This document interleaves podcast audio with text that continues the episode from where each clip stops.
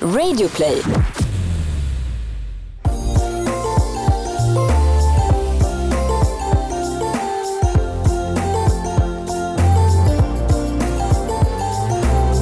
Kära lyssnare, välkommen till det nya programmet Bakom varumärket. Podcasten där vi Jenny Kaiser. och Jessica Morales tar dig bakom kulisserna hos några av Sveriges just nu mest inspirerande marknadschefer. Och till vardags ja, då arbetar vi båda som projektledare på reklambyrån Åkestam Holst. Och då undrar ni hur våra vägar möttes? Jo, det gjorde de första gången för 15 år sedan. Där var du, Jessica, projektledare på mediebyrån OMD. Och du Jenny är rätt jobbig nordisk marknadschef på Kanal Plus. Nej men skärp det, så illa var det inte. Ja, här sitter vi alla fall nu tillsammans som programledare för nya programmet Bakom varumärket. Livet, Livet alltså. Vad säger man? Woho! Just nu så befinner vi oss på Resumés årliga event, Sveriges bästa marknadschefer. Och där gästas vi av ingen mindre än Ulrika Sundblad, Head of Digital Sales and Marketing på Danske Bank med ett förflutet på ledande positioner hos General Motors, Playstation, Svensk Fastighetsförmedling och Salus Ansvar. Varmt välkommen Ulrika. Tack. Trevligt att ha dig här. Ja, mycket härligt. Eh, Och för er lyssnare så kan det vara så att det kommer att brusa till lite grann här om en stund och det är på grund av att det är en paus, så bli inte rädda då. Du, vi dyker rakt in i att eh, tidningen Resumé utser sedan 2005 Sveriges bästa marknadschefer där du 2017 blev korad till Best in Class i bankkategorin. Skulle du kunna börja med att berätta, så här, berätta vad är framgångshistorien? Eller framgångsreceptet? Ja, men det är ju ett år sedan. Då får man så alltid ta tanken tillbaka. Vart var vi då någonstans? För det var ändå då man fick priset. Det som hade hänt för Danske Bank då var att dels var vi, och fortfarande är, i en jättestark tillväxtfas. Vi får in massa nya kunder. Och samtidigt hade vi kommit en SKI-undersökning där det visade sig att alla andra banker tappade i kundnöjdhet. Så vi hade liksom lyckats med kombinationen att ta in jättemycket nya kunder och samtidigt lyckas bibehålla kundnöjdheten hos våra befintliga kunder. Så att den kombinationen tror jag var så här eh, superstark. faktiskt där. Och i det kunna driva på förändringsresan hela tiden och vara den som står liksom och vågar ta besluten och våga, våga peka ut riktningen. Det tror jag var starkt. Och har du gjort några säga, tydliga förändringar i din organisation eller ert sätt att arbeta eller liknande för att just kunna påverka den effekten ni har fått? Alltså alla organisationer gör ju om hela tiden, det gör vi också naturligtvis. Och just nu, det sista vi har gjort eh, under detta året har varit att ändra att vi har satt upp eh, digital sales då, som jag ansvarar för nu mycket högre på agendan. Vi har ju jobbat med de områdena innan också naturligtvis, men vi har satt ut det som ett mycket tydligare område. Vi får ett eget PNL-ansvar, vi får liksom försäljningsagendan. Och hur får man ihop en sån kultur om man nu tänker så försäljning, marknadsföring långsiktigt, kortsiktigt? För mig personligen, så min bakgrund är, jag har jobbat både som marknadschef och försäljningschef, så jag vet att jag trivs i den miljön och kanske eh, sätter den agendan för mina team ganska tidigt, att det är försäljningen som räknas. Liksom. Så att jag, tror för mig, jag vet att jag gillar den kombinationen och bygger kanske team därefter. Men Det du, är liksom det jag som fråga på det då? Tänker bara så här, givet hur, hur man ser på sina medieinvesteringar och Mm. liksom hur man balanserar det här med liksom Mm. kortsiktig försäljning eh, och så långsiktigt varumärkesbyggande. Mm. Hur ser du på det? Liksom så här, har ni någon rimlig balans däremellan? Eller Ja, men det där är väldigt så här- mycket fokus på Ja, det är ju Försäljning. 10 000 kronors frågan hela Ja. tiden. Det där. Hur ska man balansera det? Och tittar man på forskning så säger den en sak och så kommer verkligheten och liksom slår den i knacka på dörren? Kvartals, Ja, kvartalsrapporten knackar på dörren. ja, faktiskt. Och, men jag tror alla stängs med den här, liksom, hur ska man balansera? Och det är till och med så faktiskt att Mediebyrån, och vi pratar jättemycket om det här med liksom, hur vi ska balansera pengarna och det här 60-40-regeln, vi ska lägga 60% liksom, på det långsiktiga, 40% på det kortsiktiga. I den branschen jag jobbar med så är det till och med 70-30 split. Mm. Så det blir inte lättare liksom, om man ska hänga med där.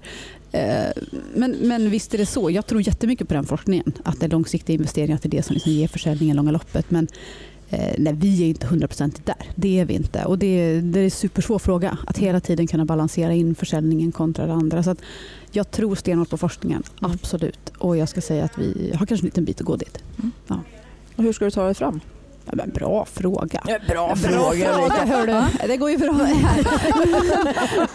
men, ja, men det- det är ju en bra fråga. Man vill ju liksom att vi ska lägga mer och mer på varumärket och så hela tiden. Samtidigt så märker vi att vi försöker balansera att ha element av varumärkeselement i det försäljningsdrivande. Liksom. Eh, Vi har inte varit jättestarka på att göra renodlade varumärkeskampanjer kanske. Det kanske finns på önskelistan men vi är inte riktigt där. Jag tror att vi måste hitta en- en balans mellan att kunna driva det försäljningsdrivande och balansera in varumärket i allting vi gör Mm. och kunna ta det den vägen. Ja, men det är ju så, så många varumärken får jobba. Det är ju få som har lyxen om vi ska kalla det, att bara kunna fokusera Ja. på liksom, att bygga varumärke. Utan det är ju som allting. Men vi tittar på IKEA som vi jobbar med. Liksom. Där jobbar vi film, vår filmvärld som mm. många kanske skulle säga att det är varumärkesbyggande. Nej det är det inte för produkten har en självklar plats där i. Ja. Så det är ju så här, den balansen och liksom, det, är, det lär nog vara nyckeln till framgång. Och, och bara prata ja. om så här, bara mediekampanjerna för det är inte ja. riktigt bara det heller. Det är lätt att det hamnar i 60-40 spenderar man sina pengar men mm. hela det, vi jobbar jättemycket med så här syftesdriven eh, positionering av oss, liksom kvinnligt entreprenörskap. Eh, rena, liksom, rena hav, vad har det med bank att göra? Men vi mm. tror stenhårt på de affärsidéerna, de kvinnliga entreprenörskapsidéerna. Och det är också ett sätt att bygga varumärket som kanske inte speglas i medieinvesteringar men i allt hur vi driver talartillfällen och vilken agenda vi driver från kommunikationsavdelningen och så. så att, det finns ju andra aspekter i det än bara att titta på medieinvesteringen också. För, för, för det är ganska intressant. Så här, kvinnligt företagande och entreprenörskap det, känns ju mm. ganska, det ligger ganska nära en verksamhet. Mm. Det är inte konstigt att ni gör det. Men här, hur långt kan man gå från sin kärnverksamhet när man pratar om så här, syftesdrivet? Så här, renare hav, vad har det med bank att göra? Ja, men jag tror man kan gå ganska långt i det faktiskt. Det här med att, att vi tror stenhårt på den affärsidén som mm. fanns runt det här bolaget. Och då står vi upp för det. Mm. Liksom. Så att jag tror man kan gå eh, går rätt Det går att göra ganska. Ja. Vi, om man tittar på kommunikationen utifrån, kanske inte har sett jättemycket av liksom Danske Bank. Innebär det att väldigt mycket av er kommunikation sker framförallt i ett liksom interna universum, man nu säger så, i kunddialoger, i kundresan, i ert eget universum och sådär? Ja, den sker i båda egentligen. Mm. Eh, naturligtvis med våra egna kunder har vi en så nära dialog som möjligt. Och jag stod här på scenen precis och pratade om att i SKI-undersökningen så visade sig att Danske Bank var den storbank som hade högst proaktivitet. Och det är ett sätt att visa att vi verkligen har den dialogen med våra kunder som är jättekul. Men sen eh, kampanjen, den stora breda kampanjen, de har varit mer, eh, ska man säga, mer lågt hängande frukt kanske. Då.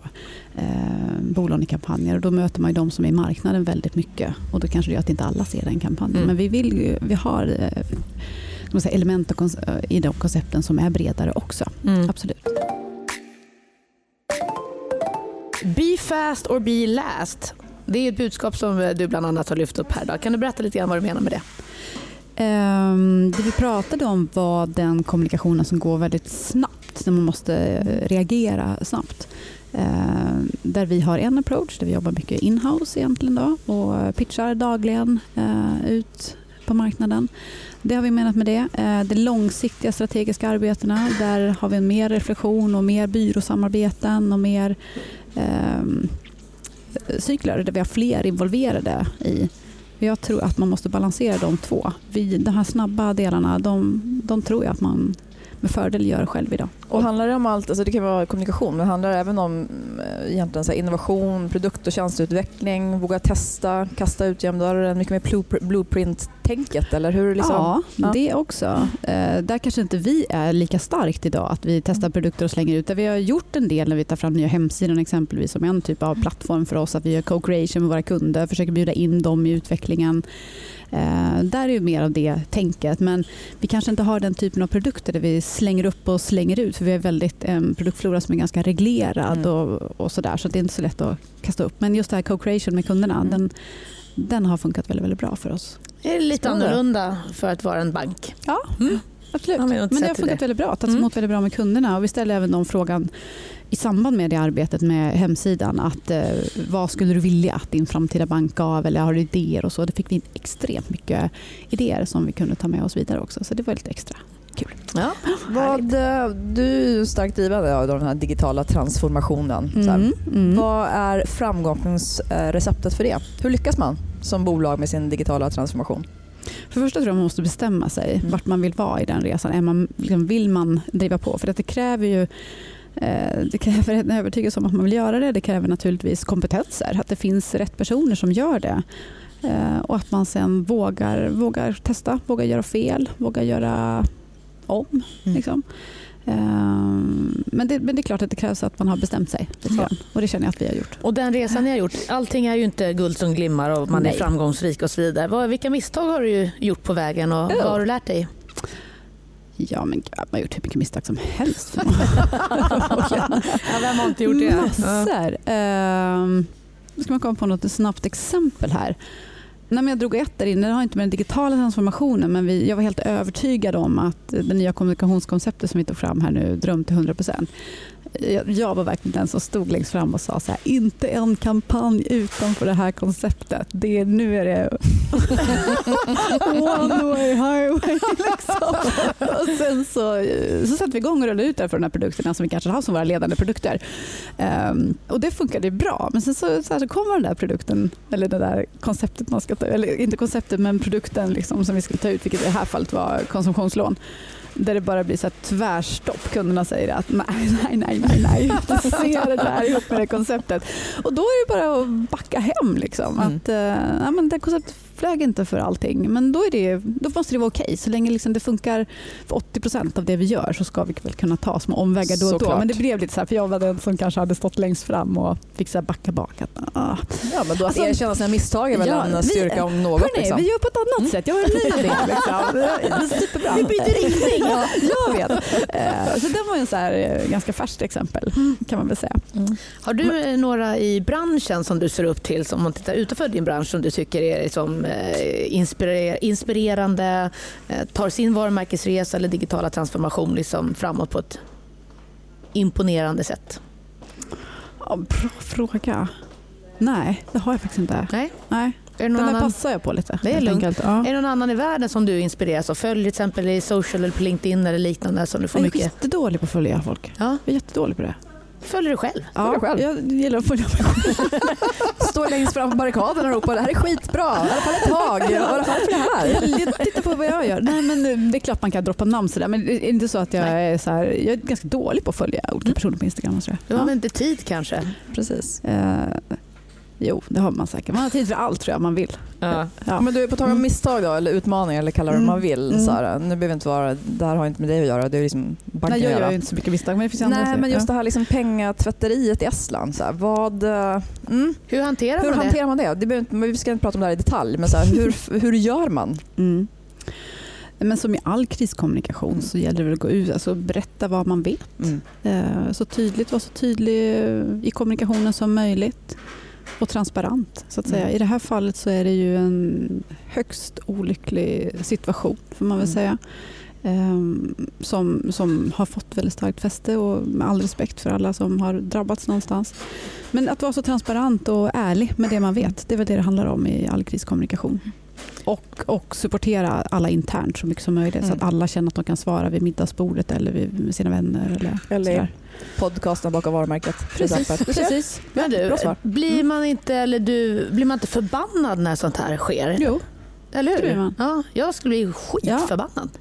Ja, men det, det, blir man. Eh, det är klart man blir det. Och det, så är det för jättemånga anställda, om inte, man ska inte säga alla, men så gott som alla i alla fall utgår ifrån, inom eh, banken just nu. Man är besviken, man är arg. Liksom. Man ja, känner att Sluta det här, sabba mitt jobb. Typ. Ja, det, här, ja, det är så. Och sen så känner man att det här är så otroligt långt ifrån vad vi står för.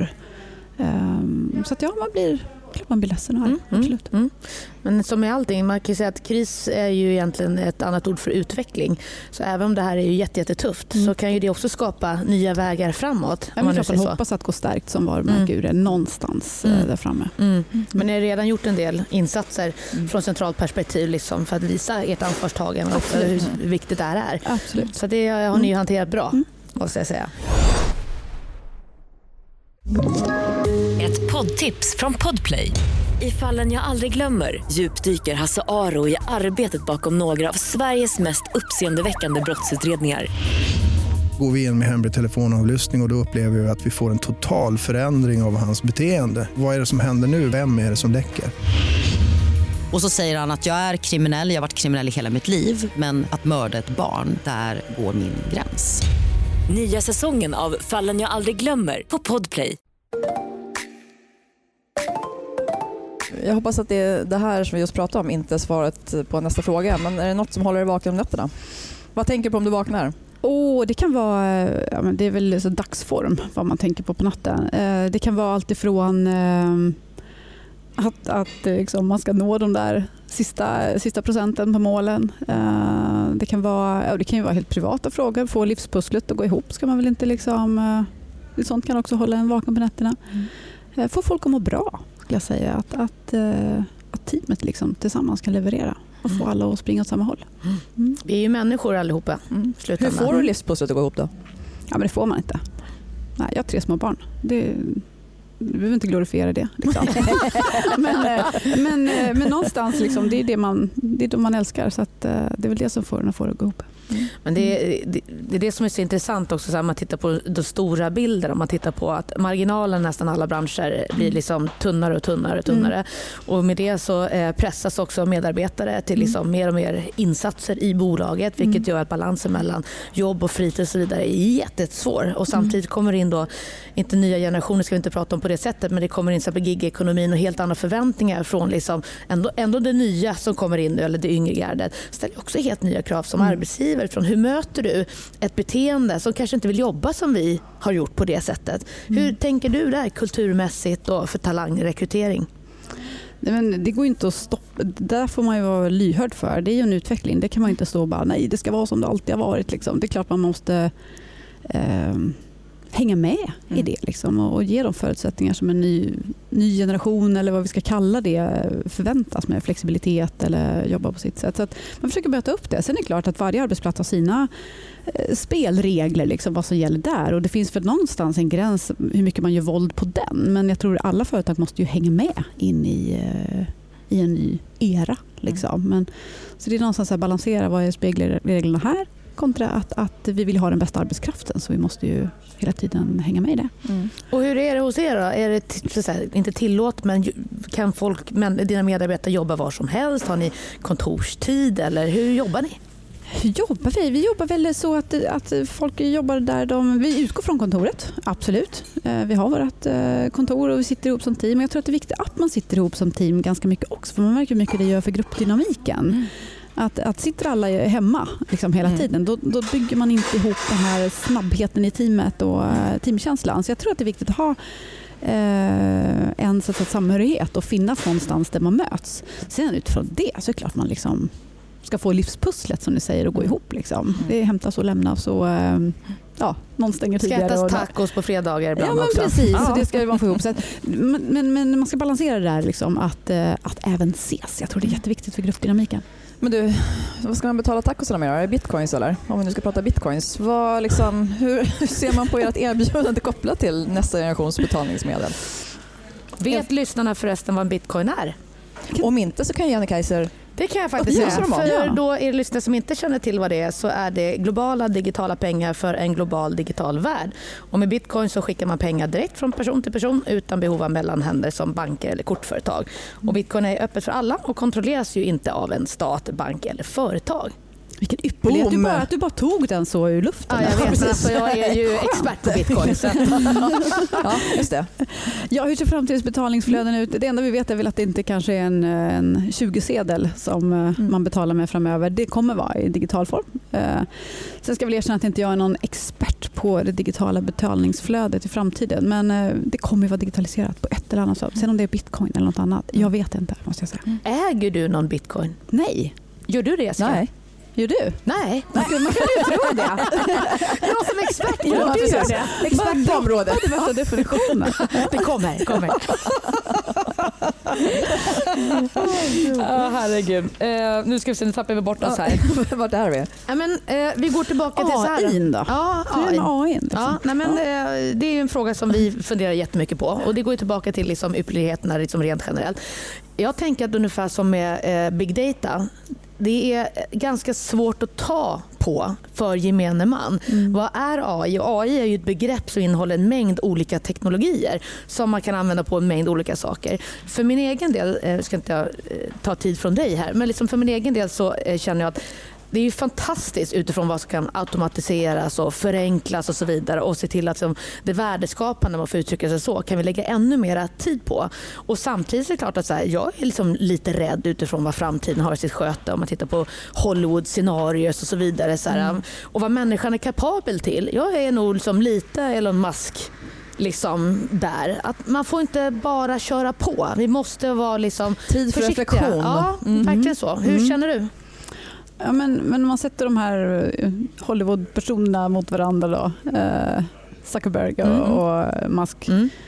Eh, så är jag beredd att hålla med dig lite grann. Alltså det, man måste ju göra en statement först att det här är ju superintressant Mm. och superspännande. Det är nog alla här, enade om Alla är liksom pro, Ja. eller hur? Det är ju Mm. inte så Ja, att vi sitter och bara Ja, ja. mm, drar oss bakåt här. Utan det där är ju superspännande. Eh, och allt det här som man ser nu, eh, som det här smala AI, Mm. eller vad man ska säga, den är ju också bara så här, eh, den är så lätt att ta på och liksom sådär. Men, men eh, i det där så tror jag, jag håller nog med dig lite, jag eh, köper in på det, att jag tror att man ska ha lite så vaksamt öga på det. Mm. Eh, och det är väl det som Musk pratar om, det här den digitala superintelligensen liksom framåt. Ja, när blir det som iRobot-filmen? Ja, när går gränsen? Sådär. Men det, där är, det är förmodligen en liten bit fram, men det handlar väl om att vara vaksam från början. Eh, Men, men i grunden här och nu och det det kan göra, det känns bara av godo. Men jag kan bli lite provocerad när jag hör människor som bara pratar om det optimistiska. Ja, men jag tror det finns en annan jag, del också. Ja, och. Samtidigt kan jag känna att oj, det kanske jag, det är fel på mig att säga för jag är så pessimistisk. Men det är inte det jag menar.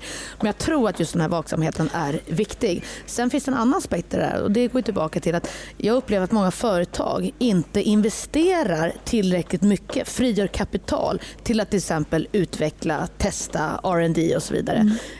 Hur jobbar ni med den typen av frågor? Eh, Men, men jag tror man ska skilja först, gå tillbaka till det. Jag tror man ska skilja mellan pessimism och vaksamhet. För att vara vaksam Det- är inte samma sak som att vara pessimistisk egentligen, utan bara att man vill liksom ha lite sådär liten koll Mm. på det. Eh, nej men det är klart att vi jobbar med, med att utveckla digitala tjänster. Vilket är, det här smala det är ju nästan digitala tjänster det handlar om. Liksom. Ja, i sin enklaste form. Ja, Mm. eh, att liksom kunna få en digital rådgivning, det ligger ganska mycket framåt hos oss. Och allt är inte släppt än, men, men eh, det ligger jättemycket naturligtvis i den pipelinen. Eh, Du, innan vi rundar här av här lite grann. Eh, den dagen du lämnar Danske Bank och så vidare och skulle ge dig in i en annan bransch, vad skulle Ja. du göra då? Jag tror att branschen är det viktiga för mig. Jag tror det viktiga är vilken så fas bolaget är och liksom vilket, eh, vart man är på väg. Tror Vad attraheras du av? Är det, liksom så här, är det förändring eller? Ja, Ja. Att man inte, Förändrings- ja. För tittar man bakåt till vad man har gjort innan så har jag varit i bolag både i så här, eh, min, in, in uppbyggnadsfas och i en så här mogen fas och när man ska göra turnarounds. Och så här, då, då hittar man någonstans vad man går igång på. Mm. Och för mig är det det här att det liksom är i, i utveckling, stark tillväxt eller att man ska göra en, en eh, vändresa på något sätt. Så att eh, branschen är inte det viktiga. Det viktiga är att det är liksom en, en, en, eh, en stor förflyttning som ska Mm. göras. Det tycker jag är spännande. Och om du skulle ge råd till framtidens marknadsförare, Mm. vad skulle du ge dem för råd? Framtidens marknadsförare, du märker nu tänker jag samtidigt Mm. när jag pratar väldigt långsamt Mm. så här, eh, ska få rådet från mig. Inom fem minuter. ja, garanterat. Nej, ehm, jag tror att framtidens marknadsförare måste kunna behärska, eh, inte bara varumärket, utan kunna behärska försäljningssiffror. Mm. Det tror jag är framtidens marknadsförare. Och att man kanske kommer från ett affärsperspektiv Ja. snarare än ett... För att jag tror att en avdelning liksom flyttar in hos marknadsavdelningen nu och då måste man då behärska det. Liksom. Kunna ta beslut baserat på data, hela liksom den grejen och kunna titta på vilka siffror som kommer in i försäljningskanalerna. I, och det blir våra egna försäljningskanaler. Liksom, det är vår egen frontline och Mm. kunna liksom konvertera det i nästa steg hela tiden i marknadsföringen och försäljning och liksom interagera och blanda ihop dem där. Och inte bara försäljning utan du ska också kunna digital transformation. Ja, du precis. ska kunna, alltså, det är så många nya kompetenser som adderas i ert jobb Ja. hela tiden. Ja. Så man är ju verkligen så att det är bläckfiskvarning Ja. på er. Jo men också så att CMO-rollen till Mm. exempel eh, börjar ju luddas upp om man får uttrycka så, nästan f- inte försvinna på långa vägar. Man pratar om growth eh, Mm. management och så vidare. Att just det här att försäljning och marknad är så himla nära varandra och man ser ett skifte i det. För det är också en diskussion vi har haft här i lite av de eh, tidigare programmen att eh, har marknadschefen en framtid? Vad kommer att ske med Mm. liksom den rollen framöver? Och det har varit liksom lite tudelade meningar kring det. Vad säger du? Har du någon framtid? Ja, jag tror det. Det måste man ju tro. Man kan, måste ju inte säga bara nej. Nej, såklart. Nej, men jag, precis det jag sa innan. Jag tror att eftersom vi har gjort den ändringen att flytta in försäljning, dela, inte hela försäljningen ligger inte hos oss, men den här digitala försäljningen så tror jag i och med att det görs, att vi liksom har gjort den förändringen hos oss, så tror jag att, att vi bygger framtid och har en roll framåt. Eh, Kan man liksom vara den som var med och visar på kan man påvisa försäljningssiffror från sitt eget team, då Mm. tror jag alltid man har en framtid. Det är nog helt rätt. För avslutningsvis så tänkte vi eh, runda av med fem, fem snabba frågor. Mm. Och det är egentligen så här, vi kastar upp några ord till dig eh, och du säger vad först pops into your mind. Okej? Absolut. Lycka. Ja, Big data, gärna. Pengar. Eh, nödvändigt. Hållbarhet. Absolut. Och kärlek. Mera. Jag gillar det Ulrika. Ulrika, stort tack för att du tog dig tid för att vara med i Bakom varumärket. Det här har varit ett rent nöje att ha dig i Bauer Medias studio idag. Och vi hoppas vi får möjlighet att träffa dig många gånger framöver. Det är otroligt inspirerande att höra om din resa och stort grattis också till allt fina kvitton du har fått under åren. Tack ska ni ha. Tack, Tack för att du kom hit. Tack. Tack. Jenny Kaiser, Och jag, Jessica Morales från Bakom varumärket, signing off. vi hörs om en vecka people. Bakom varumärket presenteras av Bauer Media. Störst i Sverige på ljud.